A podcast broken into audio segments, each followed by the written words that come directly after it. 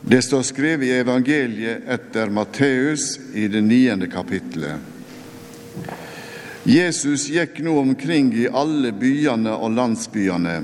Han underviste i synagogene deres og forkynte evangeliet om riket og, og lekte all sykdom og plage. Og da han så alt folket, fikk han inderlig medkjensle med dem, for de var forkomne og hjelpeløse som sauer uten gjeter. Da sa han til læresveinene, grøda er stor, men arbeidsfolka er få. Be da Han som er herre over grøda, at han må sende ut arbeidsfolk til å høste inn grøda si. Slik lyder det hellige evangeliet. Jeg skal ta en kikk på den siste teksten. Den står på arket som du fikk når du kom. Den står på baksida. Um, sist uke, hvis, hvis, du var her da, så snakka vi om sjenerøsitet og hvordan vi kan bruke pengene våre for å gjøre en forskjell i bygda og i verden. Det er det vi prøvde å snakke om. Og jeg håper vi lykkes til en viss grad. Denne veka så har vi en annen tekst som på en måte begynner i andre enden. Den begynner med behovene som vi ser rundt oss. Eh, skal se litt på den straks. Men denne teksten handler kanskje litt mer om behovene som vi ikke klarer å møte. Sist uke var det en del av dere som når vi snakker om penger, og hvordan vi kan bruke penger til å gjøre en forskjell for folk, så var det flere av dere som tok opp det at tida vår er nå egentlig penger, og vi kan bruke tida vår til å, til å hjelpe folk og til å gjøre en forskjell. Men både med tid og med krefter og med kunnskap og evne og med penger, så skjer det etter hvert at vi møter på behov som er for store for oss. Eh, vi møter på noen der vi rett og slett ikke vet hva vi skal gjøre. Eller vi møter på så mange eh, at vi blir overvelda. Så jeg tenkte å skulle se på det fra den vinkelen i dag. Er det sånn at fordi det er så masse rundt oss som vi egentlig skulle gjort noe med, at oss er fritatt fra alt? Siden vi ikke kan fikse alt. Eh, selvsagt er ikke det det. Så derfor må vi se på denne teksten og eh, tenke litt gjennom det. Så Hvis du har arket foran deg, så begynner det i vers 35 med at Jesus går omkring i alle byene og landsbyene. Han underviser i synagogene deres, og han forkynner evangeliet om riket og leker all sykdom og plage. Så her er en litt sånn overordna oppdatering av hva det er Jesus holder på med. Han går rundt i byer og i synagoge, og så underviser han, han forkynner evangeliet. Og han leker all sykdom og plage. Så Jesus er Gud. Han har Gud sine evner, bl.a. at han kan ta vekk all sykdom og plage. Så Jesus er ikke i den situasjonen som oss er i, at han møter behov som han ikke kan møte. Det er ikke sånn at folk kommer bort til han med et problem der han tenker Oi, jeg har aldri sett dette før. Jeg vet ikke hva jeg skal gjøre. Han er Gud, ikke sant? Han kan fikse det. Så Jesus er der. Han eh, kan gi dem sannheter. Han underviser, han forkynner evangeliet. Han vet akkurat hva de trenger av sannhet. Eh, og han vet akkurat hva de trenger av praktiske behov. Og han er i ferd med å møte dem. ikke sant? Og så skjer det noe veldig Egentlig kanskje mer overraskende enn det virker som. Eh, det skjer noe veldig spesielt i vers 36.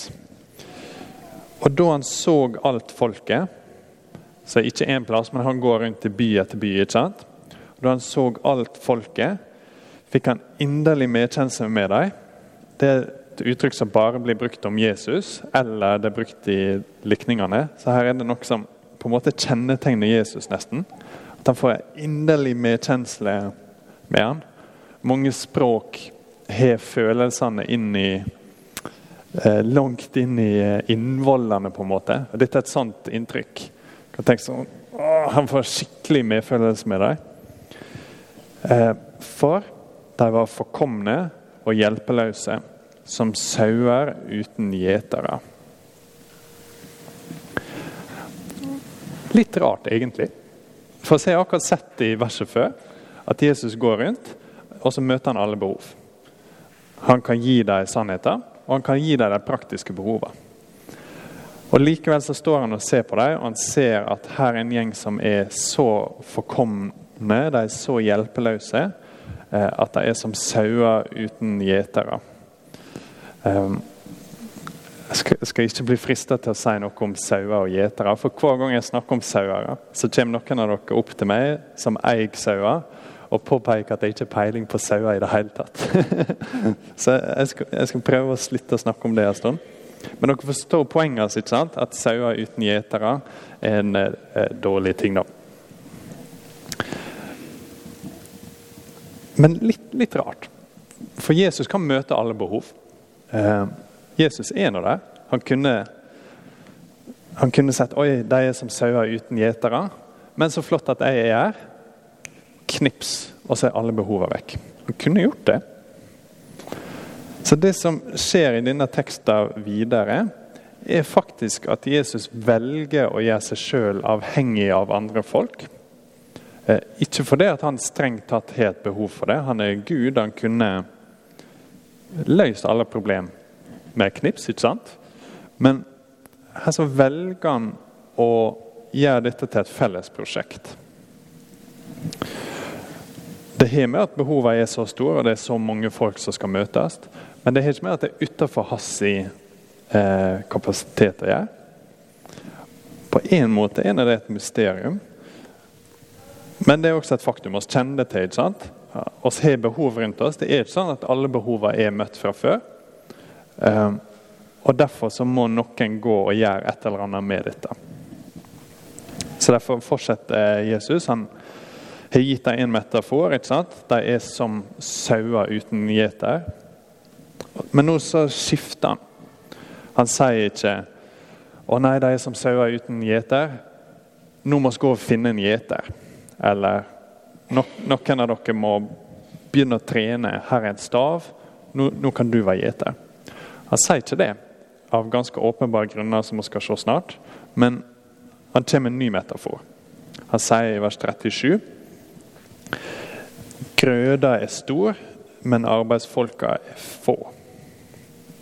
Eh, med det som skjer her, så har Jesus eh, vist at han har en balanse i møte med store behov, som oss ofte mangler, tror jeg. For det første så har jeg sett at han har ikke et skille mellom folk sine behov for sannhet, for evangeliet, for å kjenne Gud, og praktiske behov.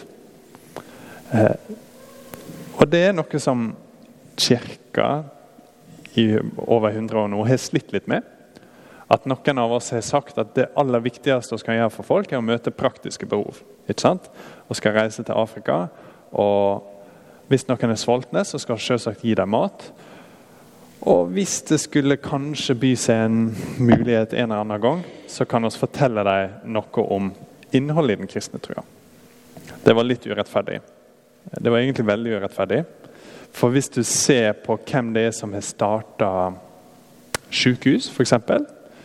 i Afrika sør for Sahara, så er det veldig ofte folk som er veldig lidenskapelig opptatt av sannheter i det kristne evangeliet. Men dere kjenner kanskje til den stereotypen litt. Og så har du folk som faller i den andre grøfta på andre sida. At det eneste jeg er interessert i, er å ha en diskusjon med deg om hva som er sant, hva som er rett og galt, hva livssyn som er rett. Og hvis du dør av svolt i løpet av samtalen vår, så er det din feil. Det burde du tenkt på på forhånd. Og Selvsagt er det også feil. ikke sant? Så her har Jesus en stor balanse mellom det. Han, ikke, han, sier ikke at det ikke er viktig med sannhet. Eh, og han sier heller ikke at det ikke er viktig med praktiske behov. Han går ut og møter begge deler. Men kanskje mer interessant for vår del eh, Så har denne teksten veldig stor Den er veldig realistisk i møte med store behov. For når oss møter overveldende behov, si at vi tar inn over oss alle behovene i bygda vår, og så begynner å ta inn over oss alle behovene i landet vårt, Og så begynner å ta inn over oss alle behovene på et globalt nivå. Både for sannhet og for evangeliet og for praktiske behov. Så blir oss enten lett overmodige. At å si Oi, her er skikkelig masse som må gjøres. Jeg må rydde kalenderen min, og så skal jeg løse alt sjøl. At å sette i gang et sånn voldsomt prosjekt der vi begynner i en ende og virkelig tar oss sammen. Og nå skal vi utrydde fattigdom og skal eh, møte alle behov på alle fronter. Og så går vi på et isfjell ganske fort. Og Noen av oss går på det isfjellet med en gang, at vi ser hvor store behovene er. Og så blir vi helt fortvila og eh, passive. Det er så masse som kan gjøres, det er så mange folk som har et eller annet behov. Jeg vet ikke hva jeg skal gjøre. Jeg kan heller lese bok. Mm. Teksten havner ikke på noen av dem. Jesus har sett hva som skjer. ikke sant? Han ser at de som sauer uten gjetere, som er en dårlig ting. Og Så skifter han metafor, og så sier han grøda er stor, men arbeiderne er få. Hvorfor sier ikke han oss trenger nyheter? Jeg tror Den mest naturlige grunnen synes jeg, til at han ikke sier hvorfor trenger oss en nyheter, er at han sjøl er gjeteren. Det er ikke sånn at det er ikke sånn at det er vanskelig for Jesus å finne ut hva er løsninga på problemet her. Han vet at disse folka, det de trenger, er han. Og Det er derfor han går rundt. ikke sant? Det er derfor han eh, tilbyr seg sjøl til folket. Um, og det er derfor han nå sender ut sine arbeidere til å hente folk inn til han. Så han ser at grøda er stor, en positiv ting. Men arbeiderne er få, så klarer ikke å få inn, uh, få inn alt som, uh, som de vil. Så sier de at det er gullgruve, uh, men du har ikke med deg nok folk. Du klarer ikke å få ut all gullet, liksom. Litt sånn. Mm. Og Der så gir Jesus oss egentlig et enormt robust grunnlag til å tjene bygda vår og til å tjene verden. For det han har sagt her, det dreper egentlig overmotet vårt. For til og med Jesus velger å bruke hjelp. Til og med Jesus, som kunne gjort det sjøl, tar et skritt tilbake og sier at jeg skal ikke fikse det sjøl. Jeg har lyst til å bruke dere. Dere må gå ut og høste inn alle disse folka. Dere må gå og møte de praktiske behovene og dele sannheter. Så da kan vi ikke forvente at vi sjøl skal måtte fikse alt. Og det dreper også fortvilelsen vår. For det var ikke sånn i det Jesus sa, at det var et stort mysterium. Hva er løsninga på dette? Og, eh, ingen kommer noen gang til å kunne finne noe godt å gjøre for folk. og sånn. Han går nå ut fra det. Han går ut fra at han sjøl er gjeteren som disse sauene trenger. Så spørsmålet nå er heller hvem skal samle dem inn til han. Så siste verset her. Hva, hva skal de gjøre, de læresvennene som han sender ut rett etter teksten vår slutter? sier han, Be da han som er herre over grøda, at han må sende ut arbeidsfolk til å høste inn grøda si. Egentlig superpraktisk tekst i, i dag. Hva skal vi gjøre når vi møter et behov? Når vi ser et behov, heter det vel. Når vi møter en person som har, et behov, enten for sannhet og Kanskje de driver rundt i livet og ikke vet hva som er opp og ned, og klarer aldri på en måte å finne noe glede som tåler litt, eller et håp som tåler litt eh, motstand i livet. Da skal vi møte behovet deres og skal dele sannheten med dem. Eh, hvis vi møter noen med et fysisk behov som er innenfor vår kapasitet til å møte, så skal vi møte det. Når vi møter en haug med behov, eller ser behov som vi ikke klarer å, å møte Jeg går litt vill i ordene mine, her, men jeg håper dere forstår hva jeg mener. Si at vi treffer en person eh, som vi ikke har ressurser til å hjelpe. Eller si at vi klarer å analysere et behov i bygda vår som vi ikke kan gjøre noe med. Da kan vi gjøre sånn som Jesus og sende ut andre folk. Og Nå er vi egentlig tilbake på det som var temaet vår sist uke også. At er ikke det litt som å kjøpe seg ut fra problemer? Er det lov å, det lov å si at å, jeg vet ikke hva jeg skal gjøre for, for bygda mi, men jeg kan iallfall støtte uh, ulike organisasjoner og uh, menigheter eller folk, sånn at de kan gjøre en ekstra innsats. Er det egentlig lov? Jeg tror det må være lov. Uh, for hvordan skal vi kunne møte alle behov? Vi har begrensa ressurser. Vi er nødt til å ha en plan for de behovene som ikke strekker til, eller så vil vi være helt fortvilt. Ofte så tror jeg å sette den grensa for tidlig. At alle behov blir behov som andre folk skal møte. og sånn. Men jeg tror denne teksten er ganske solid grunnlag for oss til å tenke at ja, vi skal sjøl gå ut og møte behov. Det er masse behov rundt omkring i verden. Men også er nødt til å velge. Du er nødt til å velge noen eh, som du legger en ekstra innsats i. Og så må du ta det du har av ressurser, og prøve å sette dem i verk plasser der du ikke kan være. Så det kan være pengene dine, det kan være at du støtter, støtter gode prosjekt lokalt eller globalt. Eh, det kan være tida di. Og det som er nevnt i tekster, som kanskje er det viktigste du kan gjøre, er bønn. Hvis du ser en gang til på vers 38. På en måte, Hva skal være deres svar på behov som er for store for deg sjøl? Grøda er definert av Jesus som for stor, og arbeiderne er for få. Da skal de ikke gå rundt i fortvilelse, de skal ikke veksle hit og dit og prøve å dekke over alt. De skal be. Be da han som er herre over grøda, at han må sende ut arbeidsfolk til å høste inn grøda si. Eh, så si at du ser et behov som du vet at du ikke kan møte, eller du vet at du er genuint opptatt med noe viktig en annen plass, så kan du be om at det behovet skal møtes.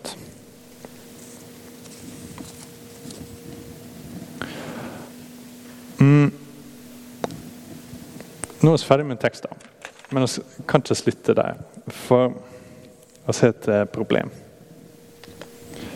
Det største behovet eh, kan ikke oss møte sjøl. Det største behovet som oss har personlig, er å bli kjent med den levende Gud. Jeg skulle gjerne snakka lenge om det, eh, men jeg ser litt på klokka. Men der er det motsatt. At hvis oss kommer til Gud eh, og sier at kan jeg betale litt, og så kan du møte behovet mitt? Eller kan jeg gi deg litt av hva jeg har å by på, så kan du ta imot meg? Så kommer vi til å gå hjem helt tomhendte.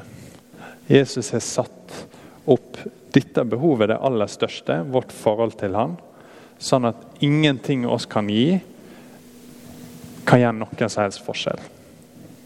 At Jesus ser på folka og ser at de trenger ikke å være gjetere sjøl. Det de virkelig trenger, er at han skal komme og være gjeter for dem. Og det insisterer han på å gi oss gratis. At Hvis vi går til Gud og sier har du sett hvor flink jeg er å møte behovet i bygda mi eller i verden mi, eh, så blir alt i feil rekkefølge. Så jeg er nødt til å gå til han tomhendte og si at ingenting som jeg har å tilby, kan gjøre noen som helst forskjell. Til og med mine gode gjerninger ser jeg nå at jeg har gjort av egoistiske grunner. Men jeg kommer til deg med tomme hender og ber om at du skal ta imot meg. Og Da har han lovt at han vil gjøre det. Hvis vi går til han tomhendte i tru, så kommer han til å gi oss en rikdom som er ufattelig stor. Vi får kjenne han, og vi får bli sendt ut av han. Så Ting er nødt til å være i rett rekkefølge. Hvis vi går ut for å møte behov, så kommer vi til å gå så tom så fort. Hvis vi begynner med å gå tomhendte til Han og let Han fylle oss med sin kjærlighet og sin nåde, så er det utrolig hvor langt vi kan gå, hvor masse vi kan gi opp for hans skyld, uten, uten å gå tom og uten å fortvile. Eh, så jeg håper dere ser både at denne teksten beskytter oss fra overmot og fra fortvilelse i å tjene andre, men mest av alt så håper jeg at dere ser at eh, Kristus har tjent oss ufattelig stort. Så la oss be. Eh, far, oss be for alle behover som, som å se, både de som alle oss ser, eller de som du viser enkelt av oss. Eh, folka som er her inne, kjenner personer som kanskje bare de kjenner, eller ser behov som kanskje bare de ser. Og oss ber om at du skal hjelpe oss å møte de behovene med de ressursene vi har, og den tida vi har. Og far, oss takker deg for at du har sett vårt behov for frelse og sendt sønnen din, sånn at vi kan komme til deg i tru og bli satt fri. Og Det ber oss i Jesu navn. Amen.